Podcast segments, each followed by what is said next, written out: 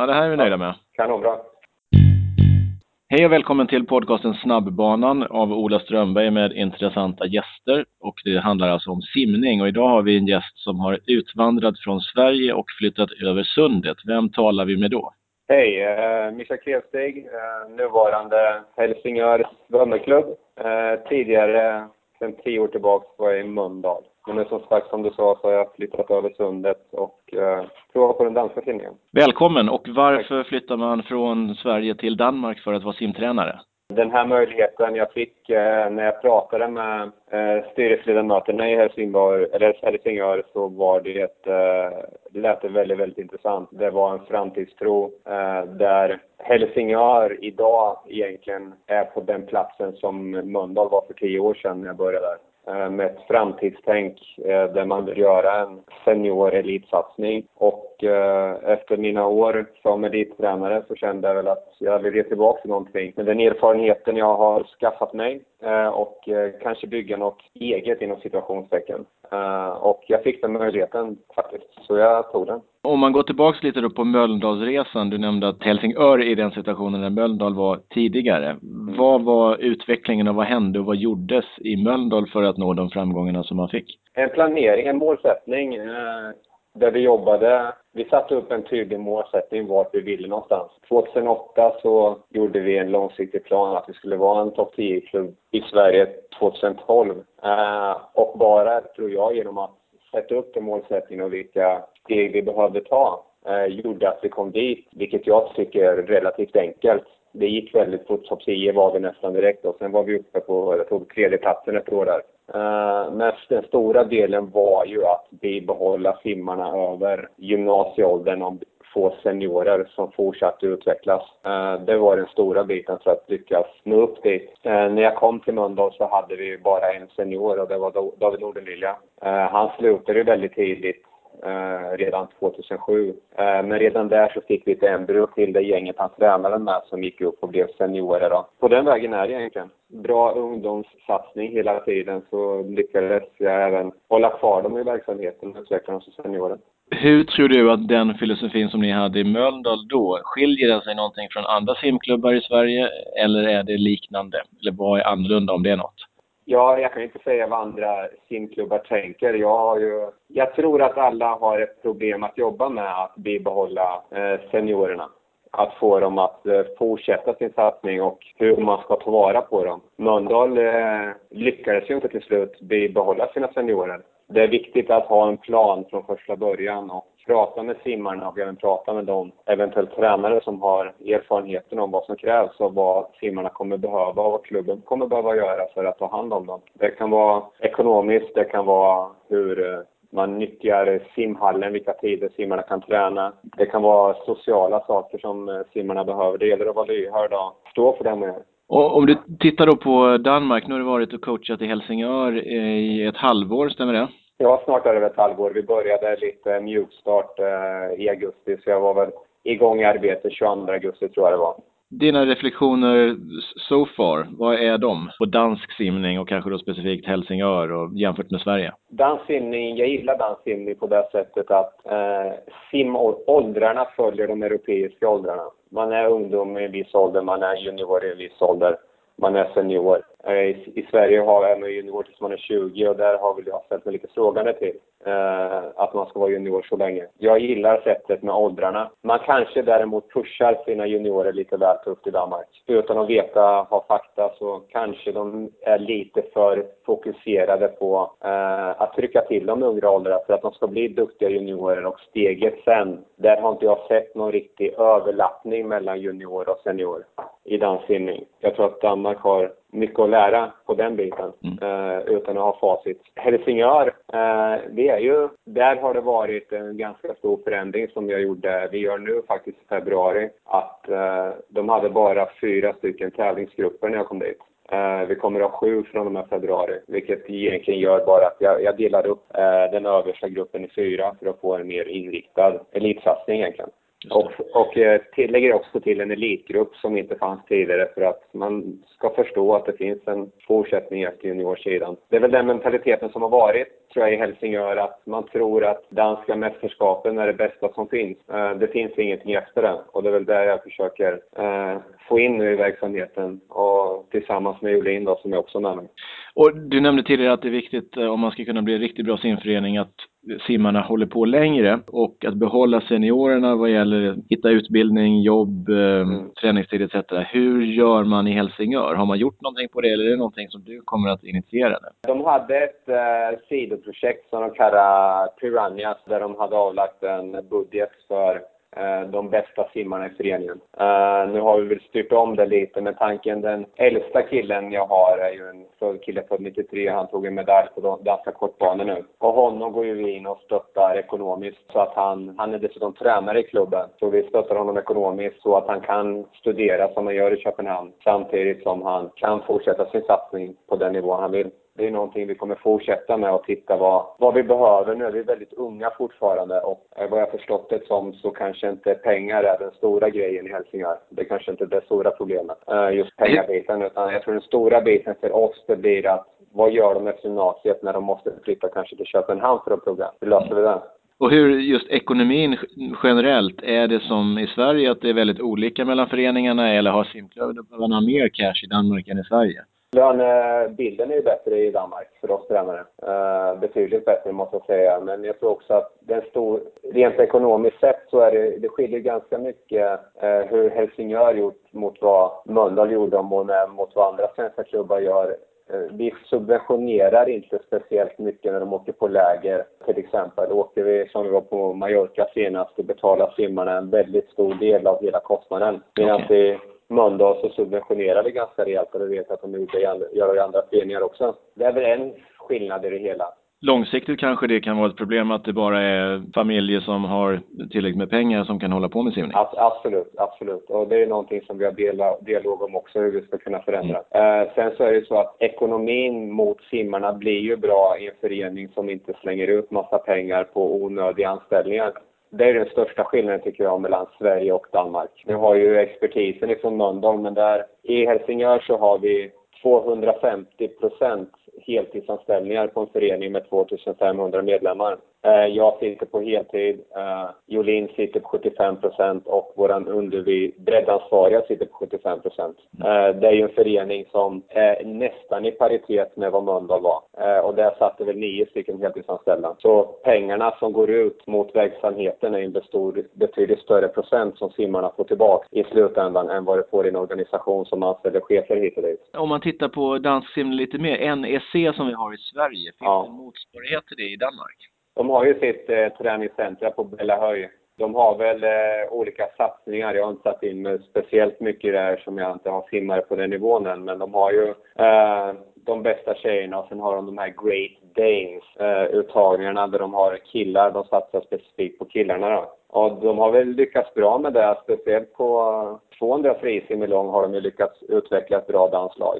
Eh, jag såg ju när jag var nere med, det var väl Isak och bland annat som skulle kvala till EM ett år här och vi var nere på Danish Open och vi såg de här 95 killarna. Det, det är stora bra grabbar alltså. Det, de kan nog utvecklas vidare. Och det, det är nog bra med ett, ett, ett nationellt elitcenter Men det är ju som sagt, det är ju utländska tränare på det, precis som vi har det på NEC. Då avbryter vi för ett kort meddelande till allmänheten. Två meddelanden faktiskt. Nummer ett. Behöver ni pengar till skolklass, förening eller idrottslag? Vad gör ni då? Jo, då pratar ni med lagkassen där man säljer välkända varor som gör det lättare att sälja. Och ni slipper hantera betalning och sådana grejer som bara tar tid. Allt det fixar lagkassen. Prata med lagkassen. Gå in på lagkassen.se eller mejla till info lagkassen.se så fixar de det åt er. Meddelande nummer två. Man blir smartare av att läsa böcker. Det är alla överens om, eller hur? Nu kan du läsa hur mycket böcker du vill. Unlimited reading and listening. Alltså både läsa och lyssna böcker genom Nextory. Gå in på www.nextory.se och du kan testa 14 dagar helt gratis. Det finns tiotusentals böcker, faktiskt flest böcker av alla möjliga tjänster som du kan välja. Bli smartare, läs böcker, läs dem och lyssna på dem genom Nextory. Nextory.se, gå in där, nu! Nu tillbaks till podcasten. I Sverige så vet vi att det är en ordentlig hype vad gäller sim, simträning för motionärer. Är det likadant ja. i Danmark? Nej, Nej, det är ju inte det. Det är någonting som jag hoppas vi kan ta tillvara på i klubben på något sätt. Vi har ju en triathlonklubb som ligger och tar upp bantid för oss, mm. om jag ska vara krass. Men jag hoppas ju att på något sätt uh, kunna ta med mig erfarenheten från Sverige på den nivån att man kan sälja ut privatlektioner till den klientellen. Det, den är stor i Danmark, triathlon, Ironman och sånt, men det verkar inte som den har nått Helsingör riktigt. I alla fall inte i vår simhall. Nej. Inte på det sättet Nej. jag sett. Nej, det känns som att det borde finnas en intäktspotential om alltså förening är där istället för privata entreprenörer. Ja, precis. Och det är där jag lite har... Vi försöker väl komma in på mot den här triathlonföreningen. Inte för att vi vill bränna dem på något sätt, men jag tror att vi kan ge dem ett bättre, en bättre coaching inom simning än vad jag har sett dem göra just för tillfället. Så där hoppas jag vi kan komma in på en bit. Om man tar lite generella frågor, som du har varit simtränare och lyckats väldigt väl. Generell simträning i Sverige, Danmark. Eh, vad tror du att vi behöver lära oss jämfört med andra länder som de är bättre på? Och vad är vi duktiga på jämfört med kanske USA eller Frankrike eller Australien? Den erfarenheten jag har mest, nu kan jag inte säga jag har sett speciellt mycket av danssimning. simning. Eh, jag har ju varit, jag var ju över i USA under en period när jag var med Jolin på hennes träningsresor, men även Tokyo två gånger. Eh, det jag plockat med mig mest är egentligen från Tokyo. Hur, man, hur, man, hur inställningen är till träningen och egentligen vilken nivå man kan hålla. Jag, jag blev positivt överraskad både när jag var i USA på UFC men eh, i Tokyo på deras Institute of Sports där att vilken nivå simmarna kan hålla under träning dag ut och dag in. Och där lärde jag väl mig själv mycket att våga hålla en hög intensitet, vilket eh, har funkat väldigt bra nu de senaste åren för mig, att ligga på en väldigt hög intensitet i träningen. Eh, jag tittar aldrig på meter, har jag aldrig gjort. Viktigt att ge dem en utmaning, tror jag, i, i varje pass, i varje serie, att det finns en utmaning och utmana timmarna. Men att hålla dem på en väldigt hög intensitet, inte under längre perioder behöver det inte vara, men jag tycker att det ska finnas en hög intensitet i varje pass. Mm. Om man pratar intensitet så kan vi hoppa över lite då till intensitetstäta USRPT. Eh, som Michael Andrew i USA, fyra stora ja, med och som är ganska omtalat. Har, har, ni tittat någonting på den eller dragit nytta av det på något sätt? Jag har ju hört det. Jag har inte tittat på det mer specifikt och gått in på det något vidare. Men det, det jag har hört om det så är det ju, det är intressant. Uh, Michael Andrew är ju jätteduktig nu är han duktig 2020 också och tar OS-guld eller OS-medalj, eh, då är det definitivt någonting att titta på. Det, det är lite så jag tittar väl lite på att det är intressant när nya saker kommer och börjar vilja pröva dem. Eh, det är jag aldrig rädd för. Men vad blir slutändan? Det är precis som, precis som i danssimning. Jag ser jättemånga duktiga juniorer nu, alltså 16-åringar, killar, som är riktigt duktiga. Men kommer de vara duktiga seniorer? Eh, gör, det, gör de rätt i Danmark med det de gör med juniorerna? För vi har ju sett att Sverige har ju halkat efter på juniorsidan på NIM och så vidare mot vad vi gjorde tidigare. Uh, kommer det i slutändan betyda att danskarna också kommer slå oss på seniorsidan? Eller har vi i Sverige ett bättre koncept vad gäller att ta fram seniorsimmare? Vad tror du är viktigast om, om man är 16 år gammal och vinner Sumsim-guld eller vad det nu heter i Danmark, danska ungdomsmästerskapsguld och liknande. Vad är viktigast att tänka på om man vill bli duktig när man är 22? Det jag får in i dem, jag har ett tydligt exempel på en kille som, han fyller eh, 15 i år. Han blir alltså junior i sommar. Det är han första års junior. Han ligger på en väldigt hög nivå och han borde egentligen inte ligga och träna. Han ligger på en för hög nivå än att ligga och träna i gruppen under min. Men jag har behållit den där nere. Eh, för att det finns alltid saker man kan lära sig. Inte stressa utan se till att ha en långsiktig plan eh, för simmarna. Har simmaren ett intresse och en hög målsättning om man ser att det finns någonting där, så lägg upp en långsiktig plan med dem. Är det en 15-åring, lägg upp en 8-årig plan då, med delmål. Kristoffer Karlsson, eh, jag vet inte vad han var sitt sista Sumsen, om han var 23 på 100 ryggsim kanske. Jag sa till honom där att vi ska gå över på frisim. Då var han 17 år gammal. Vill ha en långsiktig plan och jobbade successivt hela tiden med vad vi skulle bygga med. Och till slut gav det, bara frukt. Inte stressa helt enkelt, utan hålla det coolt, lägga upp en långsiktig plan för varje individ. Inte bara för specifika grupper, utan vill de, vill de hela vägen, se till att ta hand om dem och lägga upp en långsiktig plan. Men stressa inte, se till att alla bitar kommer på plats. Gå inte igång med styrketräning för tidigt. Det är viktigare. Se till att styrkan är med egna kroppen och med att få in momenten ordentligt. Ta det lugnt, tycker jag. Hur mycket, om man tittar träningsmässigt på om man är senior, om man är 17, 18, 19, vilken fördelning har du av land respektive simträning? Det är, lite, det är olika. Om vi drar det kille-tjej när vi kommer upp på seniorbiten så tycker jag tjejerna lägger en större del procentdel i vatten än vad killarna gör. Mer aerobt inriktat på tjejbiten än vad killarna gör. Jag, tyck, jag har väl tänkt så att jag tycker att det är onödigt att slänga bort onödiga meter på seniorkillar. Erfarenhetsmässigt på de simmarna jag har tränat så vill tjejerna ha, kanske ha lite onödiga meter för att känna sig starka i vattnet och så vidare. Jag kan väl säga tidsmässigt, med Kristoffer så var det nästan 50-50 under en period på mm. land och i vattnet. Det har ju med ålder att göra såklart. Det, det är stor skillnad på en 19-årig kille och en 23-årig kille. Och om man pratar specifikt eh, Kristoffer, nu är inte du hans tränare längre, men när, när får vi se han disponera ett 100 frisim på ett smart sätt? När han inser, att, inser sin egen potential och vad han ska göra för någonting. När han, när han har gjort det gång på gång och förstår att det är jag, det är min bana och så här ska jag göra loppet. Och hur snabbt simmar han då? Jag, jag, jag är övertygad om att eh, den killen med rätt träning, eh, med lugn i vardagen, eh, gör 48,5 i år. Men då, då ska det vara kontinuitet i träningen, det ska vara lugn och ro. Vilket han har fått möjligheten att ha här i Helsingborg. Då ska han kunna simma mot 48,5.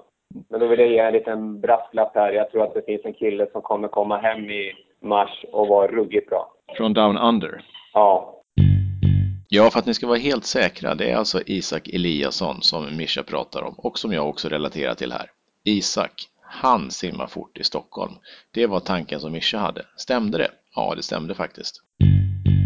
Eh, honom får eh, Sverige tro för. Nej, så jag tror att eh, i Stockholm där, och det är samma sak där såklart. Han har hållit sig skadefri och sjukdomsfri där nere och går igång med sin andra fas nu. Men vad jag förstått det på honom så det kan bli riktigt bra det här. Om hans eh, huvud är med honom så kan nog han vara bästa svensk i mars. Och han gjorde 50-0 någonting? Ja, 50-08 så är det 08 till och med, precis. Mm. och då var, då var det, han var en sekund snabbare på hemgången än han någonsin har varit. Så det, ger utslag ner. Om man, om man ska ta intervjua någon annan i den här podcasten, har du något hett tips? Vem har något intressant att säga, tror du?